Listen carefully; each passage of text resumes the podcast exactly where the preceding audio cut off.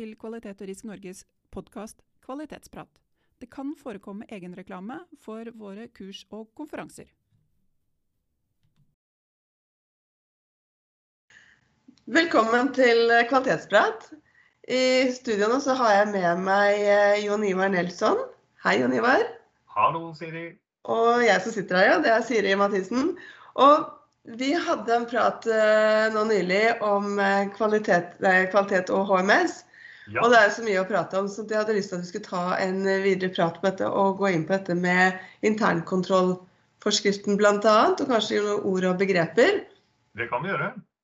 For Jeg er litt nysgjerrig på, jeg er så vidt innom uh, internkontrollforskriften av og til for å vise at det er likheter der mellom kvalitet og eh, internkontrollforskrift. Kvalitetsledelse ja. og den. Ja. Men hva er egentlig essensen av internkontrollforskriften? Kunne du fortelle? I én setning, mener du? Det er ikke for flere setninger. Ja, det kan være vanskelig. Nei, det handler om å identifisere aktiviteter i egen bedrift. Det handler om å identifisere de, eh, de risiko du utsetter deg for. Og det handler om, som det heter så fint, å systematisk jobbe med HMS. da. Eh, og den systematikken er det mange som får jeg i hvert fall mange spørsmål om. da, at er, altså Det er liksom vanskelig. Er, hvor mye skal man gjøre før det på en måte er godt nok? Man, hvor mye skal vi gjøre før vi kan si at vi jobber systematisk? Mm. Eh, og det skjønner jeg at det er. Eh, det, som, eh, for meg som jobber med dette hele tiden, så har vi det litt i fingra og har en viss forståelse for mekanismene. men men eh, jeg har forståelse for at det kan være litt sånn eh, vanskelig å få grep om, da. Det skjønner jeg. Ja. Hvis vi skal... Ja, unnskyld. Eh, nei, jeg skulle bare si at hvis vi skal skeine litt til, til, ISO 9001, sånn som vi gjorde i forrige, forrige program, så er det jo mange av de samme mekanismene. Dette med å fastsette mål, eh, ha involvering og kartlegge egne aktiviteter. Så det er mange av de samme mekanismene, egentlig. Mm. Altså det jeg liker med, med internkontrollforskriften, men kanskje tydeligere der, er jo det med risikokartlegging enn den er i ISO 9000. Risiko er, det er jo risikobasert nå alt sammen. Men det, står, det er veldig klart krav at man skal ha risiko, altså kartlegge risiko, og at det her gjelder da HMS. Ja. ja. Så man kartlegger risikoen.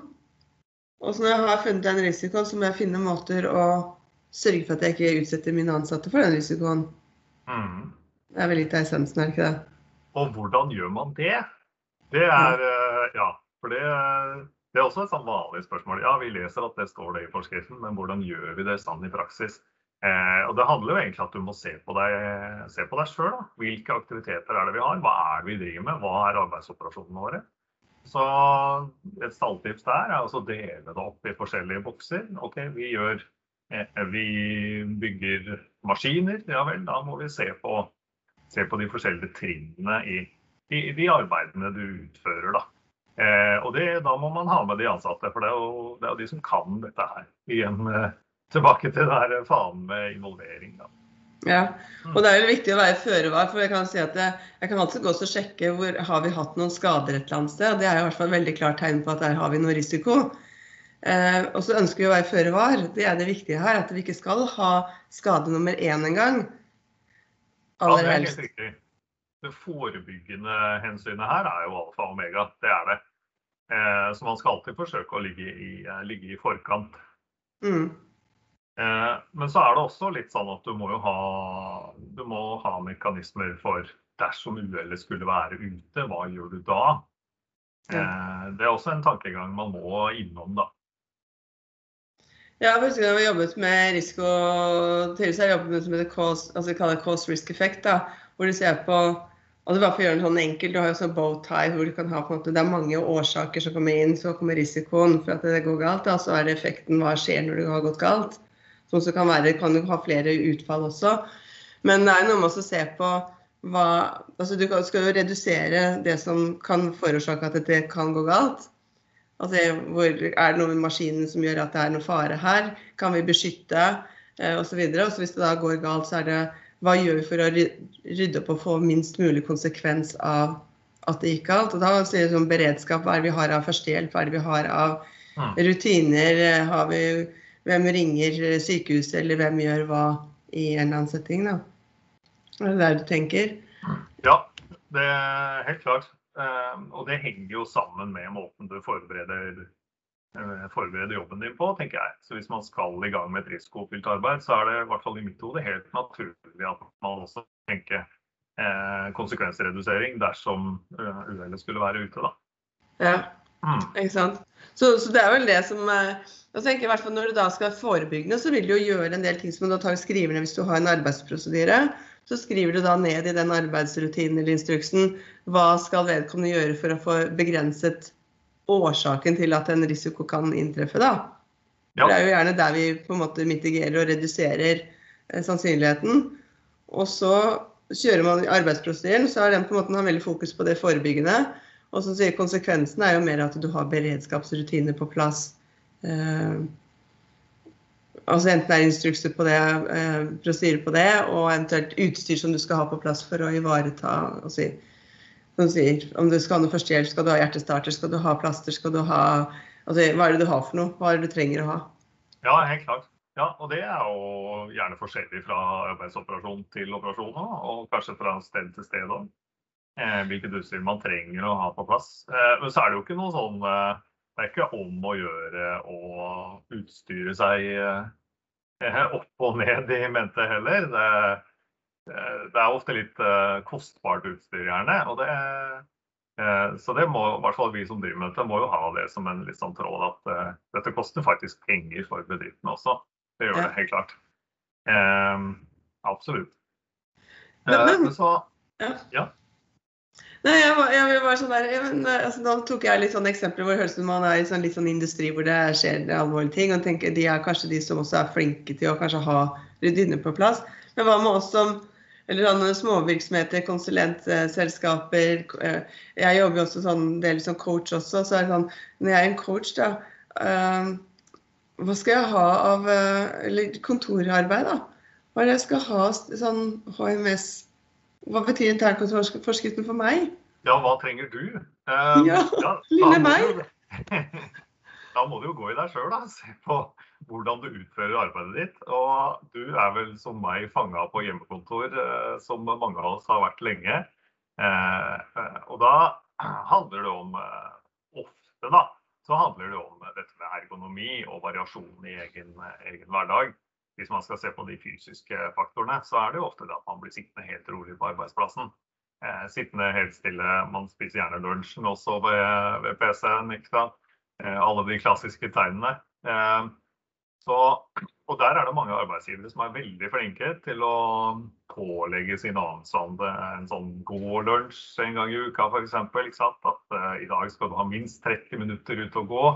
Eh, og det er jo en måte å tilnærme seg både fysisk og mental helse hos de ansatte nå i hjemmekontortiden. da.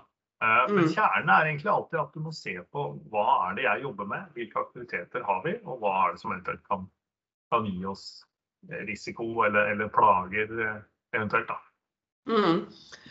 Så, så det høres ut som det systemet jeg bygger opp, og jeg må bare ha et, kanskje et møtereferat da, som dokumenterer at jeg har gjort denne vurderingen og kommet med noen aktiviteter. Eller hvor, hvor komplisert skal jeg gjøre dette her, Jon Ivar? Keep it simple. Det er, eh, det er veien å gå. Eh, Og for små bedrifter vet du, så kan det jo være altså som deg, da, som, eh, som driver for deg sjøl, så er det jo kan det jo Det er ikke noe vits å fange seg selv i egne arkiver. Det er keep it simple. Men at det skal dokumenteres, det, det må det. For det er ingen som husker tre måneder fra nå hvem som sa hva. Nei, det har du rett i. Og det, det gjelder også vi har, i kvalitetsverden, så er det samme. Altså selv om det er eh, altså Man gjør risikovurderinger der også, sier at selv om det er enkle forhold og små forhold, så lenge det er også mer enn én person, så vil jeg alltid si at dokumenter det. For det og selv med én person, så glemmer man jo. Så, jeg, vet, Ja, jeg vet ikke om det kommer med alder eller hva det er for noe, men man glemmer av og til. Så bare sånn Å ja, stemmer det. Så, så det kan være veldig greit å ha det dokumentert og bare lage et enkelt referat som sier noe om hva er disse faktorene? Men er, er det det eneste jeg må gjøre? Er det altså da gjøre risikokartleggingen og så finne ut hva, hva det jeg gjør for å, å møte de problemstillingene? Er det, er det noe mer krav til meg i forhold til internkontrollforskriften? Ja, du, du, skal jo kartlegge, som sagt. da. Eh, men så må du også se hvilken kunnskap er det du har for å kunne mene noe om dette. Trenger du mer opplæring? Har du ansatte som kanskje trenger mer kunnskap og opplæring innen HMS-arbeid? Mm. Eh, og da er det ikke snakk om å sende dem på heltidskurs i seks måneder. Det handler om eh, kanskje enkle grep og enkle mekanismer, gjerne litt sånn temabasert, eh, for ting man kan heve kunnskapen om. da. Og, og da tenker jeg spesielt dette med egensikkerhet og egen arbeidssituasjon rundt typisk ergonomi, altså løftestillinger og sånne enkle ting. Eh, litt hva som finnes av verneutstyr, f.eks., som jo er en, et enormt utvalg av etter hvert. da. Mm. Eh, der, så det handler jo om å gi kunnskap og opplæring til seg selv og egen bedrift også. da. Og det er også keep it simple, begynn med det enkle. Eh, og kanskje begynne med det som monner mest. Ja. Det er nok lurt å se der det er kan jeg si low hanging fruits. da. Hvor er det monner mest, hvor er det du får mest verdi for det, hvor er det det, det, merkes best også. Jeg tenker Det er litt motivasjon for de ansatte hvis de merker at ja, men dette gjør faktisk en forskjell for meg. Ja. Og vi, vi snakker jo mye om lederne, vet du, at det er lederne sitt ansvar. Eh, og det er det. Det er bedriften sitt ansvar å ha dette på stell. Men du som arbeidstaker har også en plikt til å bidra og aktivt sette deg inn og aktivt følge de, de mm. prosedyrer og regler som finnes. Og faktisk også si ifra hvis det er mangler. Eh, så man skal ikke se vekk fra ansvaret til, eh, til arbeidstakerne heller. Nei, jeg tenker Det kan være greit det å være en som eh, kan ta tak og gi beskjed. I hvert fall hvis du har en ledelse som faktisk er litt i stand til å, å lytte og ta imot tilbakemeldinger, så er det jo veldig bra. Så, ja, helt klart. Det bare sånn, uh, Syns vi skal holde denne episoden kort i dag, faktisk. Så, uh, men jeg tenkte avslutningsvis Nå har du sagt at de må ha kompetanse, opplæring også, hvis, det er, altså hvis ser at de mangler det. Og så er det vel noe med at man skal også si fra når det skjer ting. Ja. ja. Da har man jo ofte et, et rapporteringssystem. og der finnes det masse bra apper, og det finnes gode Eh, datasystemer som håndterer det på en enkel måte. Eh, noen er fortsatt på Word-filer som de må skrive ut og skrive på, og det kan være greit, det. Eh, men det er, det er litt sånn begrepsforvirring rundt dette her òg, kanskje. da. Er det et avvik, er det et fravik, er det en RH? Hva er en RH? Det er masse ord og uttrykk i den jungelen der også. Men det må rapporteres, men det forplikter også at du at du tar imot de rapportene. Hvordan håndterer du det når det kommer inn? Eh, det er fryktelig demotiverende for de arbeidstakerne å rapportere, og så skjer det ikke noe tilbake. Det er en sånn kjensgjerning, da. Ja, ja, ja. Så det er, oppfølgingen er viktig. Ja, utrolig viktig å ha en god oppfølging, at det faktisk skjer noe. Sånn at de ser at eh, ok, rapportert noe, så kommer det nytt verneutstyr, eller rapportert noe, så blir det satt opp noen rutiner som beskytter oss eller verner oss. Eller, det, det, det, må bli hørt. Hvis ikke så blir det jo bare å gå inn i sorte hullet, og så skjer det ingenting. Det er utrolig demotiverende. Ja, helt klart. Da, og da skjønner jeg at man ikke gidder å rapportere gang nummer fire. Ja. ja. Du, så hører jeg at du har jo en del begreper også. Jeg tror ikke vi rekker det faktisk i dag. Så du skal få lov til å komme tilbake igjen på en ny ja. runde, tenker jeg. Så vi får gått gjennom det også. For jeg har også masse spørsmål rundt disse ordene og begrepene som jeg kan tenke meg en liten avklaring på. Ja, det er en lang rekke med sånne trebokstavsforkortelser. Ja, ja, ja. Og flere også. Fembokstavsforkortelser. Det er, det er mye rart her. Så så jeg tenker at uh, dette blir lite, bare en liten innblikk i, i kravene rundt uh, internkontrollforskriften. Uh, ja. Det kunne jo prates mer om den også. Men, uh, jeg tror vi sier at det holder for i dag. Det er ja. veldig mye fokus på dette med å finne ut hva som er de ulike risikoene. Sørge for å ta tak i det sånn at det reduserer risikoen. Og dokumentere at du har vært gjennom denne tankeprosessen. Og opplæring er en av de måtene du kan bruke bl.a. til å redusere risiko. Gjøre dem mer kompetente og bevisste, bl.a. Syns jeg du oppsummerer det bra. Ja.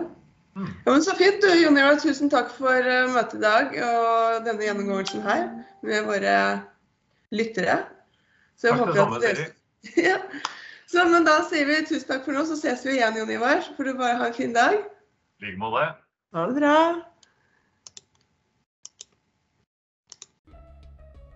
Programledere for denne podkasten var Siri Mathisen og Sissel Storås. Eh, Ansvarlig produsent er Torolf Paulshus. Produsent er Bent Vigeland. Administrativt Anlegg Åstad. Musikk Karsten Boe. Studio har vært i KRN sine lokaler i Sandvika, og vi har fått teknisk bistand fra Jakob Storås hos S-Media ungdomsbedrift.